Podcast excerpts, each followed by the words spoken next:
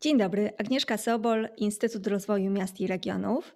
W cyklu rozmów o klimacie w mieście spotykamy się dzisiaj z panią Agnieszką Kalinowską-Sołtys. Dzień dobry, bardzo mi miło, że przyjęła. Dzień dobry, witam. E, na początku przedstawię naszego gościa. Mm, pani Agnieszka jest y, architektem, wiceprezesem zarządu głównego SARP do spraw środowiska i ochrony klimatu, partnerem i członkiem zarządu pracowni APA Wojciechowski Architekci współzałożycielką Ogólnokrajowego Stowarzyszenia Wspierania Budownictwa Zrównoważonego, asesorem systemów certyfikacji zrównoważonego budownictwa BREEAM i LEED. Na swoim koncie ma liczne nagrody za proekologiczne projekty. W 2018 roku została potrójną zwyciężczynią prestiżowego konkursu Top Woman in Real Estate, gdzie zdobyła statuetki w kategoriach Architecture and Design, Activities for Green Building oraz Personality of the Year. Pani e, Agnieszka jest autorką licznych publikacji na temat zielonych budynków i zrównoważonego rozwoju miast, moderatorką i uczestniczką wielu paneli dyskusyjnych podczas konferencji i wykładów związanych z promowaniem idei zielonego budownictwa, a sama o swojej pracy y, mówi. W pracy zawodowej łączę pasję z profesjonalizmem. Jakość projektów architektonicznych ma dla mnie ogromne znaczenie, ponieważ jest podstawą do tworzenia budynków, które mają służyć ludziom przez kilkadziesiąt lat. No myślę, że ten aspekt e, tej e, długowieczności e, jest bardzo istotny w kontekście zmian klimatu. I Pani specjalizacją jest zrównoważona architektura, zielone budynki. Poprosiłabym na początek o przybliżenie naszym słuchaczom Pani konkretnych projektów realizacji, które wpisują się w zrównoważone budownictwo i w taki proklimatyczny rozwój miast. E, dziękuję za przedstawienie mnie. E, tak, e, przede wszystkim jestem architektem i zajmuję się zrównoważonym rozwojem, wdrażaniem zrównoważonego rozwoju w projektowanie architektoniczne i urbanistyczne. W naszym biurze projektowym głównie projektujemy budynki komercyjne. Są to budynki biurowe, handlowe, ale też mieszkania, hotele. E, I tutaj wdrażanie tych zasad zrównoważonego rozwoju mm, jest dość różnym stopniu. E, od ponad dekady mm, najłatwiej nam jest wdrożyć takie zasady w budynkach biurowych. A to dlatego, że inwestorzy są zainteresowani tym, aby budynki były trwalsze, e, aby mniej szkodziły środowisku, aby wnętrza nie miały e, negatywnego oddziaływania na zdrowie i dobre samopoczucie użytkowników tych budynków. A trzeba pamiętać, że ponad 90% czasu naszego życia spędzamy właśnie we wnętrzach, gdzie to środowisko wewnętrzne oddziałuje na nasze zdrowie i samopoczucie. E, dlaczego budynki biurowe? Dlatego, że budynki biurowe e, są wznoszone jako biznes. Czyli inwestorzy inwestują w budynki, budują je, ale oczekują zwrotu z wynajmu lub ze sprzedaży budynku. I aby te budynki dobrze się wynajmowały, dobrze się sprzedawały, e, muszą być dobrej jakości, muszą spełniać oczekiwania użytkowników e, przez cały cykl życia tego budynku, ale też muszą być ekonomiczne w użytkowaniu, czy nie mogą być zbyt drogie w utrzymaniu. Opłaty za media e, też muszą być na racjonalnym poziomie. I kiedy to idzie ten biznes e, z ekologią, można stworzyć naprawdę dobrej jakości budynki, które będą funkcjonowały przez e, kilkadziesiąt lat. Miejmy taką nadzieję. Jeśli chodzi o przykłady, taką naszą pierwszą realizacją już w 2012 roku e, był budynek Alchemii w Gdańsku. E, w tej chwili jest zrealizowany cały kompleks e, tych budynków, które, do wznoszenia których użyliśmy narzędzia wspomnianej certyfikacji budynków. Certyfikacja LEED to jest amerykański system certyfikacji budynków, który pomógł nam wybrać rozwiązania, które dają tą ekonomię, e, ekologię i też biznesowo świetnie się wpisują w założenia inwestora. Te wszystkie budynki, tam cztery etapy, otrzymały najwyższy platynowy certyfikat LEED, co jest takim świadectwem, że, że ta prestiżowa certyfikacja jest rzeczywiście dowodem na to, że nowo wybudowany budynek, dobrze zarządzany, będzie budynkiem e, dający wiele korzyści i użytkownikom, i inwestorowi. E, myślę, że kolejne, kolejne przykłady to jest e, w tej chwili kończy się budowa Skylinera w Warszawie. To jest biurowiec 195 metrów, który można powiedzieć, no właśnie, biurowiec bardzo wysoki, potrzebujący bardzo dużo technologii. To, to, co on ma wspólnego z ekologią. To jest niezwykle trudno ograniczyć to negatywne oddziaływanie budynków e, na środowisko. I całe zadanie polega na tym, e, żeby te budynki mniej szkodziły. Tak samo jak się przeniesiemy ze skali budynku do skali urbanistycznej, e, czyli do skali całych miast, trzeba sobie zdać sprawę, jak w kontekście całego miasta te nasze budynki się znajdują. W tej chwili jest e, ponad 3,5 miliarda ludzi na, na Ziemi, e, z czego 50% światowej populacji ludzi to właśnie mieszkańcy miast, mieszkańcy i użytkownicy budynków w miastach.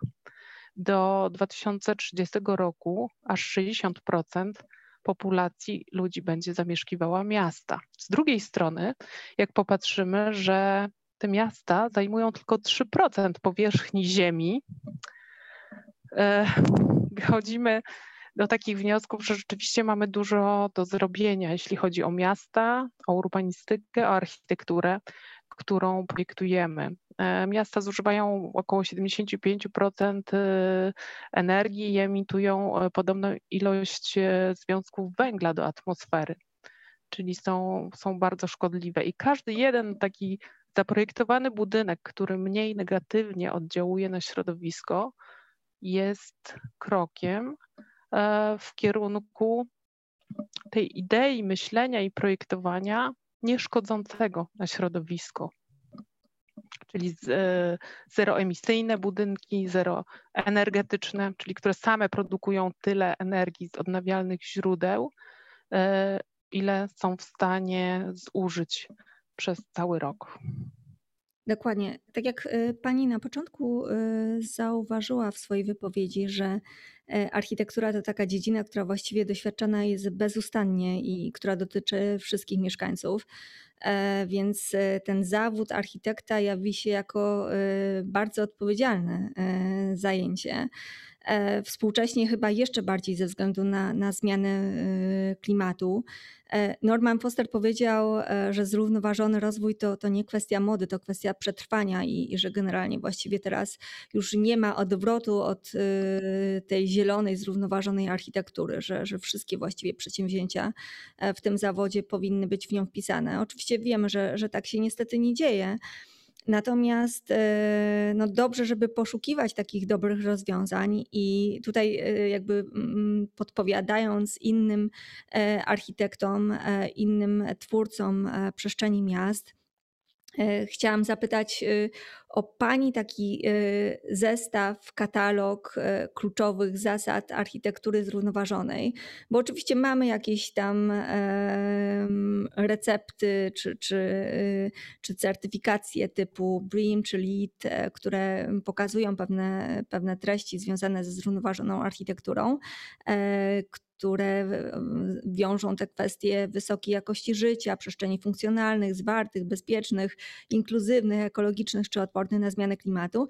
Natomiast poprosiłabym o, o taki, takie Pani doświadczenie. Y, pani zestaw, zestaw y, Agnieszki Kalinowskiej-Sołtys y, zrównoważonej architektury. To jest bardzo ciekawe pytanie, jednocześnie dość trudne, bo musimy zdać sobie sprawę, że każdy budynek jest inny. E, każdy budynek e, jest właściwie prototypem, to co projektujemy, bo są różne lokalizacje, różne uwarunkowania, e, więc nie ma takiej oczywistej recepty, że rozwiązania zaproponowane wszędzie będą pasowały.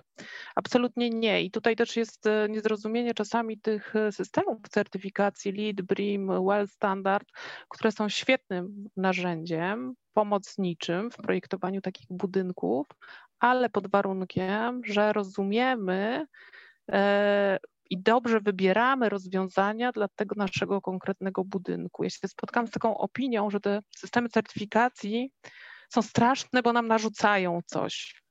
Prawda jest taka, że one bardzo niewiele narzucają. Tam jest e, niewiele tak zwanych punktów e, obowiązkowych, e, które wymagają czegoś od nas, a jak wymagają, to są rzeczy tak oczywiste i standardowe, na których większości inwestorów zależy.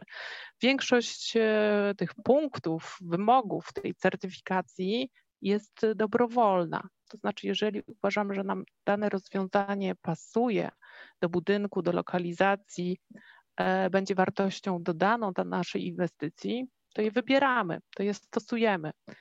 E, to jest dobrowolne. I tutaj sukces tych systemów certyfikacji polega też na tym, właśnie na tej dobrowolności, bo y, wprowadzenie takiego certyfikatu, proces certyfikacji, opłaty dla instytucji certyfikującej to są naprawdę spore koszty dla inwestora.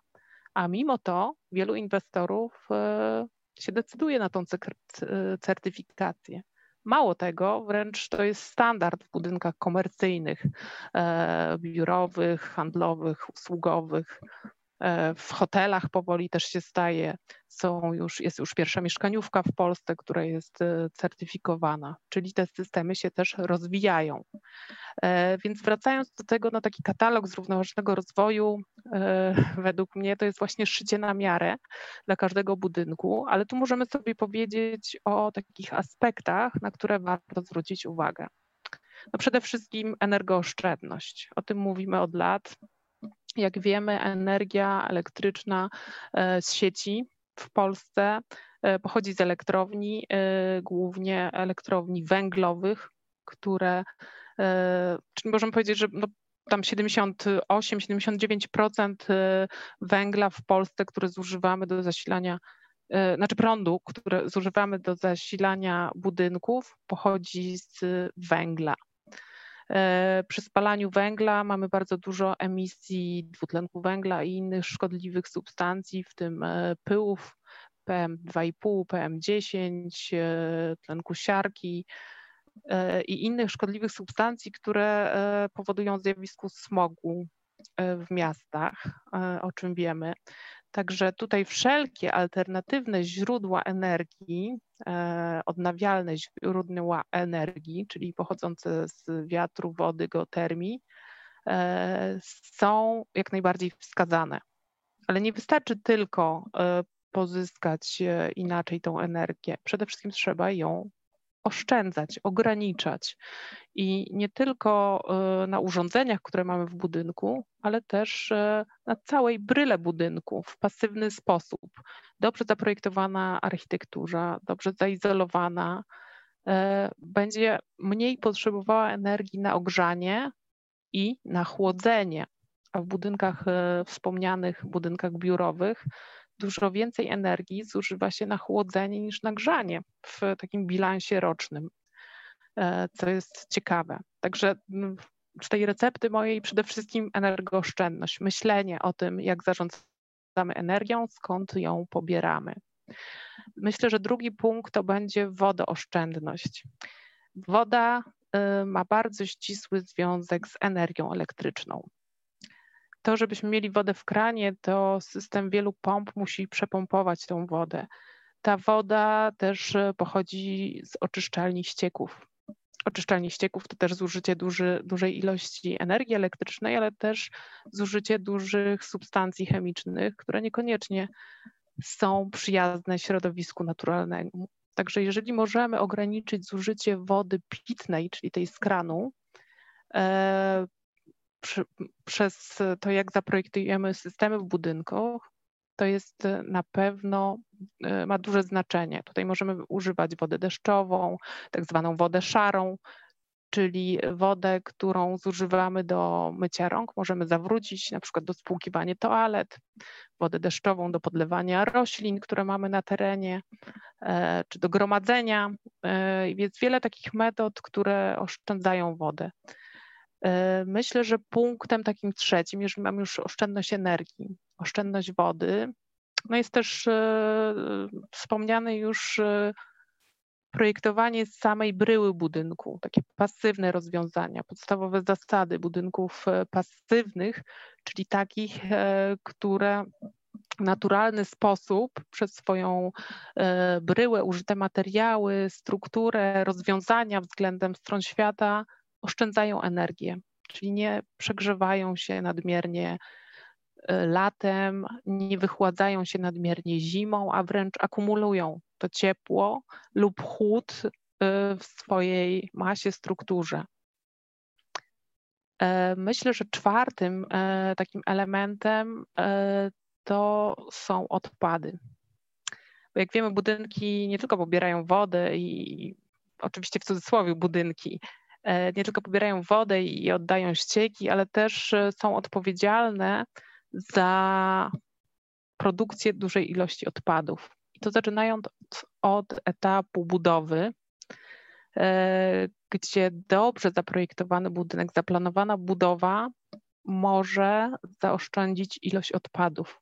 Niemniej jednak zawsze te odpady będą, więc też musimy myśleć, z czego budujemy, jak budujemy, żeby ta ilość odpadów była jak najmniejsza.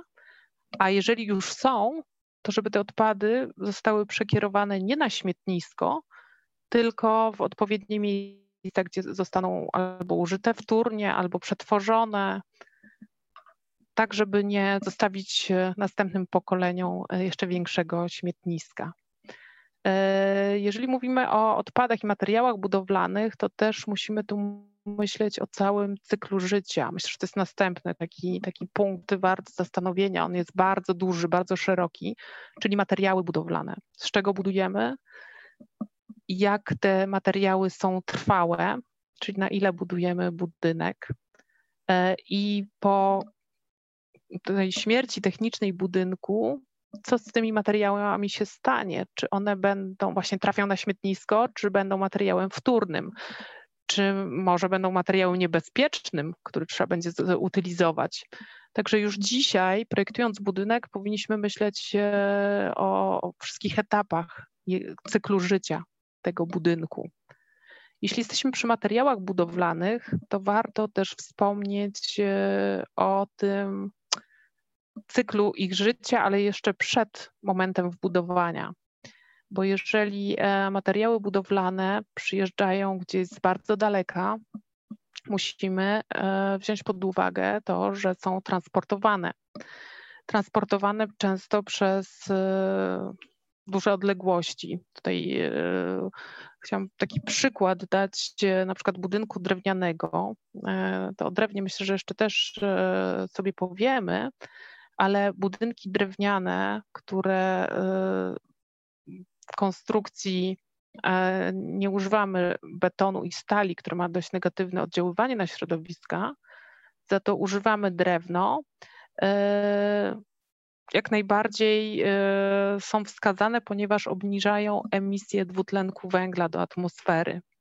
I e, jednym z przykładów jest budynek e, w Sydney w Australii, IHZ, taki skrót, który został wykonany z europejskiego świerku sprowadzanego z Austrii. I można powiedzieć, no fajnie, że z drewna budują, ale dlaczego przez pół świata transportowali drewno e, na, na ten e, budynek? E, wiadomo, transport łączy się z negatywnym oddziaływaniem na środowisko, z emisją, ze spalinami, ze zużyciem zasobów. Także tu kwestia tych materiałów e, budowlanych e, od kolebki, można powiedzieć, czyli od e, momentu wyprodukowania do wbudowania też ma bardzo istotne znaczenie, a potem wbudowania, czy są odpady, czy nie ma odpadów i, i cykl życia do momentu mm, rozbiórki budynku i odpowiedzialności, co dalej z tym materiałem budowlanym. Mhm.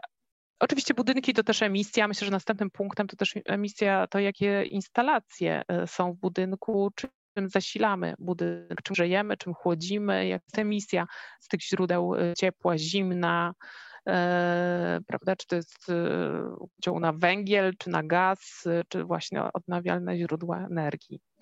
E, to są takie, myślę, podstawowe e, punkty, o których wspomniałam. E, tutaj jest jeszcze bardzo dużo takich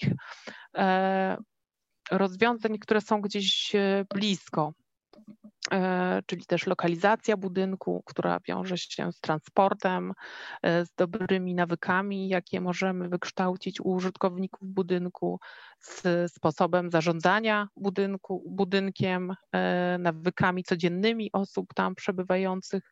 E, chodzi o to, aby budynek wymuszał, może wymuszał to nie jest najlepsze słowo, ale promował dobre, zdrowe e, zachowania użytkowników budynku, które się przełożą na ich zdrowe, zdrowie i dobre samopoczucie. To myślę, że tyle. Też myślę, że społeczność jest bardzo ważna, tak? E, bo my się skupiamy na jednym budynku i jego otoczeniu, ale to, gdzie go budujemy, jaka jest grupa wiekowa, kto będzie z niego korzystał, czy to będzie wartość dodana dla lokalizacji, czy nie. To są też takie aspekty związane ze zrównoważonym rozwojem. A myślę, że tyle. Dziękuję. Takich podstawowych elementów. Odpowiedź. E, no, zwróciła Pani e, uwagę na, na wiele różnych kwestii. Cieszę się e, ze względu na te zagadnienia związane ze oszczędnością czy emisyjnością, generalnym takim wpływem na, na przyrodę i, i na miasta. Natomiast na samym początku tej wypowiedzi zwróciła Pani uwagę na taką kategorię kontekstu życia na miarę.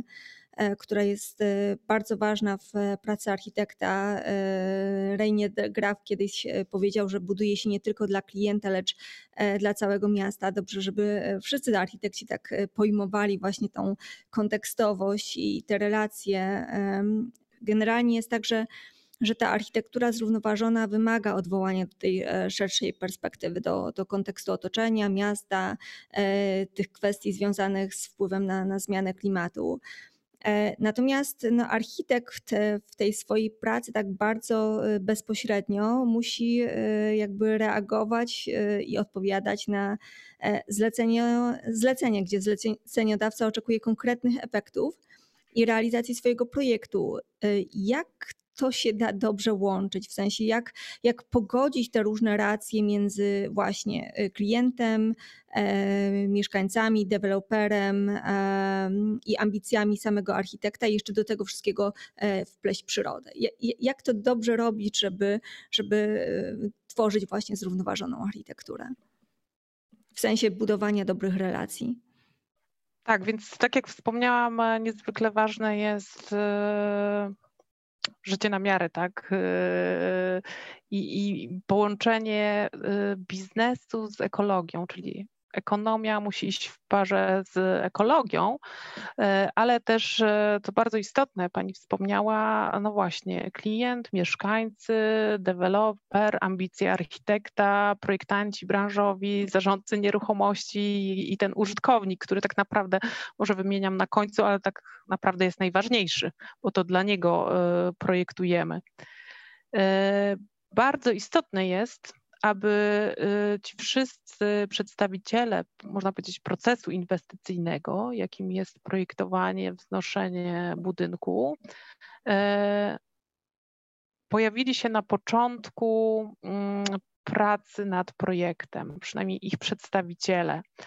E, my to nazywamy takim projektowaniem zintegrowanym. Czyli w momencie, kiedy e, pracujemy nad koncepcją budynku, nie tylko rozmawiamy, nie tylko rozmawia e, klient, e, czyli inwestor z architektem, ale też z projektantami branżowymi, którzy zoptymalizują rozwiązania, które już na, na etapie mm, koncepcji czy projektu budowlanego się pojawiają, czyli tutaj ta ekonomia z ekologią, bo te y, instalacje mają jak najmniej y, być szkodliwe, no ale też y, muszą być wydajne i, i nie być super drogie.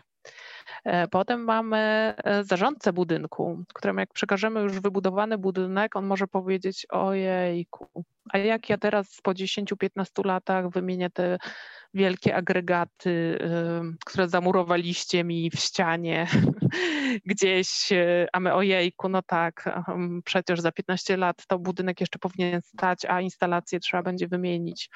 E, czyli rozmawiamy z tym zarządcą budynku już na etapie e, użytkowania. No i niezwykle ważny też jest y, użytkownik, y, gdzie informacja zwrotna od takich najdrobniejszych rzeczy, jak funkcjonowanie, jak e, nadmiar światła dziennego albo brak światła dziennego, e, albo jakieś ergonomiczne e, lub nawyki jakieś, które ma dana grupa społeczna, które wymuszają pewną formę architektury, czy pewne rozwiązania funkcjonalne w budynku.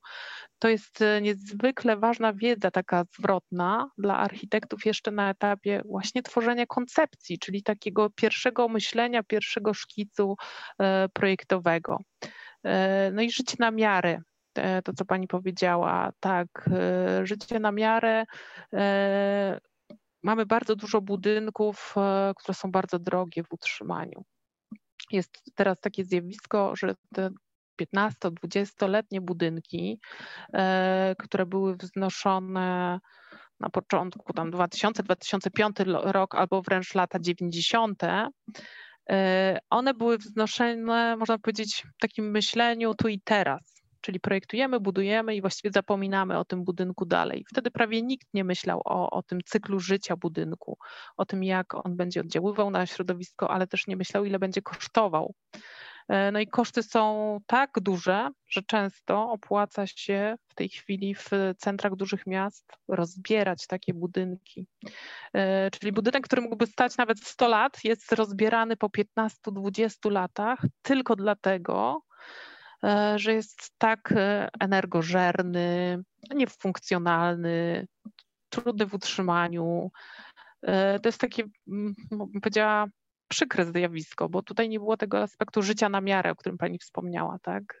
że ktoś nie zmierzył wszystkich parametrów tej inwestycji. W tej chwili też nowoczesne technologie IT nam pomagają wykonać wiele symulacji. Jesteśmy też mądrzejsi o to, bo możemy przewidzieć, jak budynek się będzie zachowywał za 15-20 lat. Przynajmniej spróbować tak pewne opcje zasymulować i na tej podstawie poprawić lub zmienić pewne elementy budynku, na przykład fasadę, tak, czy, czy dach budynku. Także to jest taka moja odpowiedź, jeśli chodzi o tak, życie na miarę, ale też projektowanie na miarę tego, co będzie w przyszłości. Bo musimy troszkę przewidzieć to, co będzie za, za 3-4 lata, bo projekty, które w tej chwili robimy, koncepcje, nad którymi pracujemy, tak naprawdę te budynki dopiero za 3-4 lata będą wybudowane, ale za 30-40 lat, miejmy nadzieję, jeszcze będą funkcjonowały. Także musimy troszeczkę jako architekci patrzeć w przyszłość, przewidywać ją. I dzięki właśnie narzędziom IT mamy mm, troszkę pomoc w tym, jak to może wyglądać tak. za te kilkadziesiąt lat.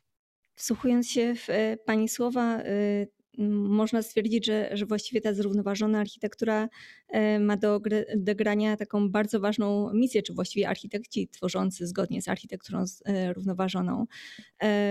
Mowa była o tym, że, że ta architektura w pewnym sensie może nas kształtować, wpływać na nasz styl życia, czyli za tymi konkretnymi realizacjami, projektami idzie komunikat, przekaz w świat, do miast, do, do mieszkańców miast? I czy z Pani doświadczeń pracy architekta i realizowanych projektów widoczny jest taki ich wpływ na, na postrzeganie Pani jako twórcy e, wpisującego się w nurt takiego zrównoważonego rozwoju? Czy, czy widzi Pani, że ten odbiór się zmienia jako Pani architekta i, i też generalnie tych realizacji, które e, w tej przestrzeni e, zmieniają właśnie użytkowników?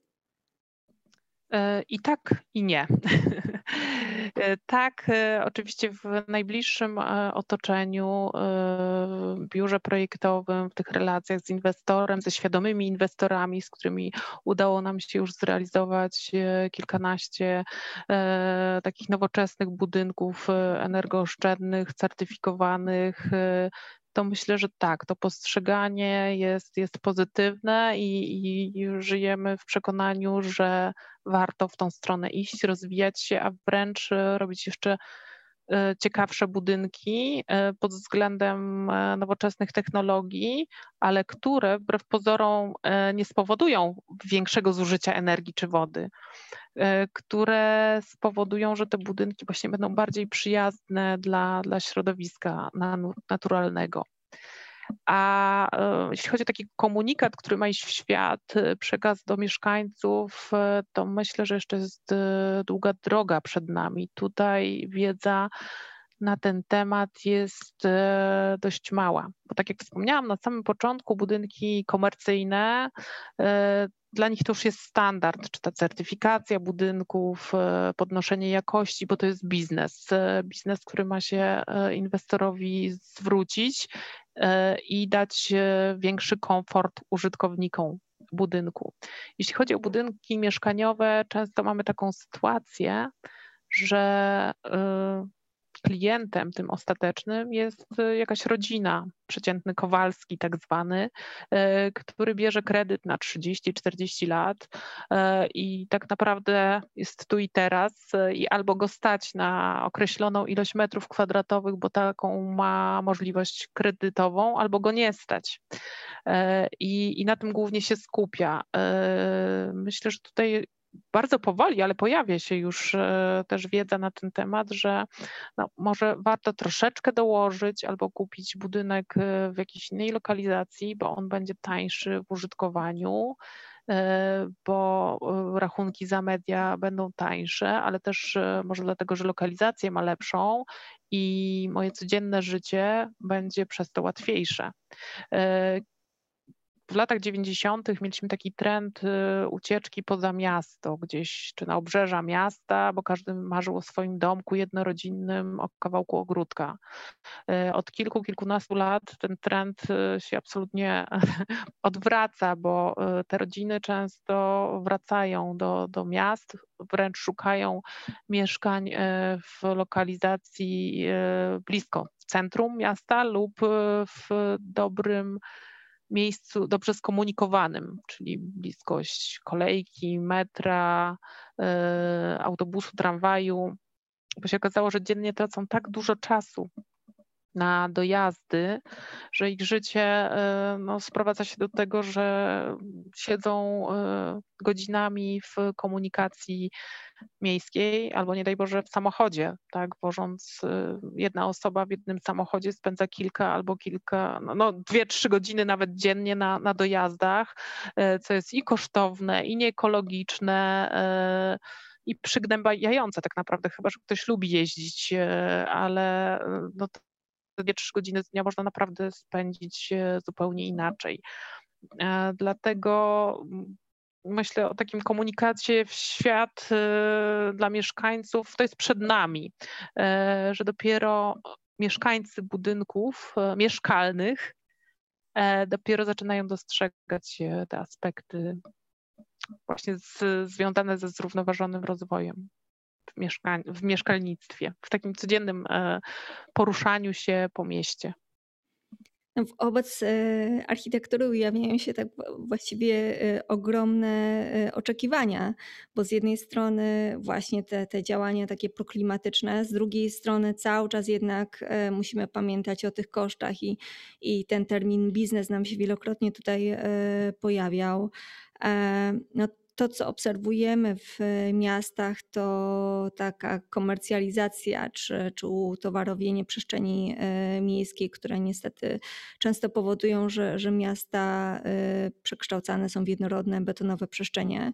Ta, ta siła tego kapitału spekulacyjnego jest czasami bardzo bezlitosna dla miast i, i właściwie mm, z jednej strony musimy pamiętać o, o tych zmianach, zmianach klimatu, ale, ale z drugiej właśnie cały czas ten biznes gdzieś tam stara się ciągnąć jak najwięcej dla siebie. I czasami mamy właściwie takie zgrzyty, można powiedzieć, w tej przestrzeni publicznej, bo wykorzystuje się taką marketingową narrację typu osiedle parkowe, leśne, gdzie, gdzie właściwie ta, te hasła trącą nieco fałszem, bo ta przyroda wykorzystywana jest w sposób taki e, nie do końca uczciwy przez e, deweloperów e, w sensie haseł, natomiast często właściwie jednocześnie jest wykorzystywana wręcz niszczona.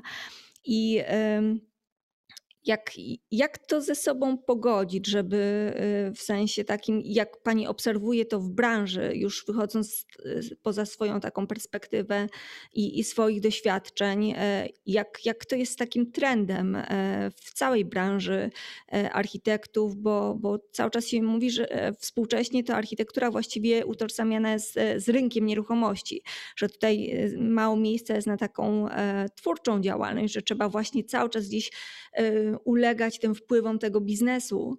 E, I jak pani obserwuje branżę, jakie tutaj są główne te siły napędowe, e, a z drugiej strony bariery, które hamują e, ten rozwój tej zrównoważonej architektury? Oj, tu mamy kilka pytań w jednym. Niezwykle ważne, ważną rzecz pani poruszyła. Jest takie angielskie słowo greenwashing, e, o które można przetłumaczyć e, wprost taka ekościema.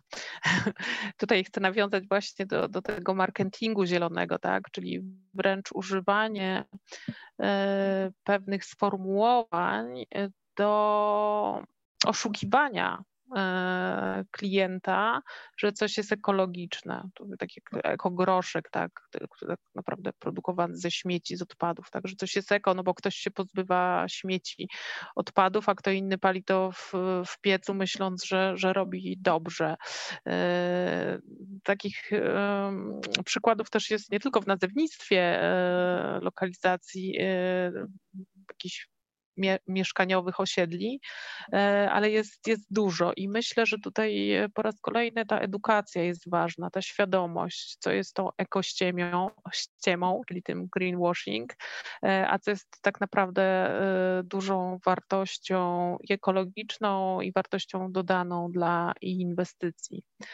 E, jakie są trendy w branży? Myślę, że e, z jednej strony ta certyfikacja budynków, która jest e, takim dowodem na to, że to nie jest jako ściema, tylko naprawdę ktoś się przyłożył i budynek spełnia określone wymogi restrykcyjne, a muszę powiedzieć, że w tym w, certyfikacji wspomnianej LEED czy BREEAM to jest ponad 100 różnych takich zakresów, punktów, które, które mogą być e, zrealizowane. Także to jest dość skomplikowana e, certyfikacja e, i inwestorzy, na przykład fundusze inwestycyjne, które kupują budynki komercyjne, wręcz już od prawie od dekady, mm, wymagają również w Polsce e, tego, aby budynek był certyfikowany, czyli żeby był świadectwem, że on naprawdę został zrobiony zgodnie z pewnymi zasadami zrównoważonego rozwoju a nie tylko e, ma nazwę e, piękną osiedla pod lasem, tak, i, która ma być niby zielone. E, wpływ biznesu oczywiście jest, e, ale tak jak mówię na przykładzie budynków komercyjnych, tutaj da się pogodzić biznes, tą ekonomię z ekologią. Nie jest to łatwy proces, ale jest to możliwe. I tylko wtedy ma to możliwość e, suk sukcesu. Jakie są główne siły napędowe? Mm, myślę, że też to, co się dzieje ze światem, e, to, co się dzieje z klimatem. E, w zeszłym roku e, Parlament Wielkiej Brytanii ogłosił klimatyczny stan wyjątkowy. To, że klimat nam się ociepla i zmienia tak naprawdę, bo gdzieś jest cieplej, gdzieś jest zimniej, te zjawiska pogodowe już odczuwamy, że są bardzo drastyczne i oddziałują negatywnie, to, że olbrzymia ilość gatunków fauny i flory znika każdego roku, jak na przykład połowa rafy koralowej Australii jest, jest martwa, tak, to zdajemy sobie sprawę, że coś za naszego życia dzieje się tak szybko, to co dopiero my pozostawimy e, naszym pokoleniom, dzieciom. E, jeżeli możemy coś z tym zrobić, to musimy działać to tu teraz, tu natychmiast. Nie tylko edukować, ale wprowadzać konkretne działania do wszystkich dziedzin e, naszego życia. Nie tylko do tego, czym się zawodowo zajmujemy, ale również e, do, do takiego życia codziennego, jak na przykład ograniczenie konsumpcji. To jest jedno z takich haseł, myślę, że istotnych na dzień dzisiejszy. E, dobrze by było, żeby wszyscy mieli e, świadomość takich megatrendów i tych negatywnych konsekwencji, e, które związane są ze zmianami klimatu i, i też wpływem swojej działalności. Takie świadome tworzenie architektury wyszłoby nam wszystkim na dobre. A do wszystkich naszych gości e, cyklu rozmów e, o klimacie w mieście kierujemy takie pytanie o, o plany na najbliższe e, dwa lata. Więc też zapytam, jakie są Pani plany i też jakie są perspektywy współpracy z różnymi podmiotami, żeby rozwijać tą zrównoważoną architekturę. Plany są szerokie. Y, tutaj mm, jako wiceprezes SARP, Stowarzyszenia Architektów Polskich do spraw środowiska i ochrony klimatu, e, też się podjęłam działań w tym kierunku. I tak jak z naszej poprzedniej, e, mojej poprzedniej wypowiedzi wynika, że, że ten aspekt edukacyjny jest e, niezwykle ważny, to też staramy się publikować różne raporty, dobre praktyki zrównoważonego rozwoju, żeby ta wiedza, e, szczególnie branżowa, szła szerzej e, w świat. E, też współpracujemy z licznymi instytucjami, które, których cele zrównoważonego rozwoju są wpisane wręcz w DNA działalności. Może jako Stowarzyszenie Architektów Polskich mamy tu do współpracy UJA, to jest e, Międzynarodowa Unia Architektów, e, czy ten zakres ogólnoświatowy, tak, gdzie możemy e, się dzielić albo czerpać wiedzę z doświadczeń architektów z całego świata, czy ACE, to jest Rada Architektów Europy, e, która ma taki zespół do spraw zrównoważonego rozwoju, e, który też komentuje, opiniuje e, różne dokumenty legislacyjne, które Unia Europejska przyjmuje i też będą podlegały mm, wymogom w Polsce. Sam e, SARP ma też zespół do spraw środowiska i ochrony klimatu, którego mam e, przyjemność przewodniczyć. To jest zespół ekspercki architektów i projektantów branżowych, e, który jest takim ciałem doradczym zarządu głównego SARP. Zarząd główny SARP ma taki zasięg ogólnopolski, gdzie staramy się bieżące problemy, związane z architekturą, urbanistyką i zrównoważonym rozwojem e, rozwijać, dyskutować, e, zgłaszać wnioski legislacyjne. Mm, to też nie, nie, dość ważnym aspektem jest śledzenie tych trendów, które się dzieją na świecie w tym kierunku. E, wiele rządów finansuje e, rozwiązania. To jest często barierą wejścia w Polsce pewnych rozwiązań e, bardziej przyjaznych środowisku. Potrzebne są ustalenia zasad łagodzących negatywne zmiany klimatu w, w projektowaniu architektonicznym, ale w, myślę, że w całej działalności, jaką w Polsce każdy z nas wykonuje e, na co dzień. Także to jest e, no, chyba takie najważniejsze działania no, na, na najbliższy czas, e, które wykonujemy. No i współpraca z ONZ-em. UN Global Compact y, to jest taka inicjatywa ONZ-u, która skupia zrównoważony biznes y, i tu bardzo ściśle współpracujemy y, przy realizacji celu y, zrównoważonego rozwoju ONZ-u, celu 11 właśnie y, dotyczącego zrównoważone miasta. To życzę, żeby te wszystkie y, plany y, się ziściły. Y, Życzę dalszych y, sukcesów i jak najwięcej perspektyw rozwoju zrównoważonej architektury w polskich miastach i nie tylko. Serdecznie dziękuję za dzisiejszą rozmowę. Dziękuję za rozmowę. Dziękuję Do usłyszenia. Do zobaczenia.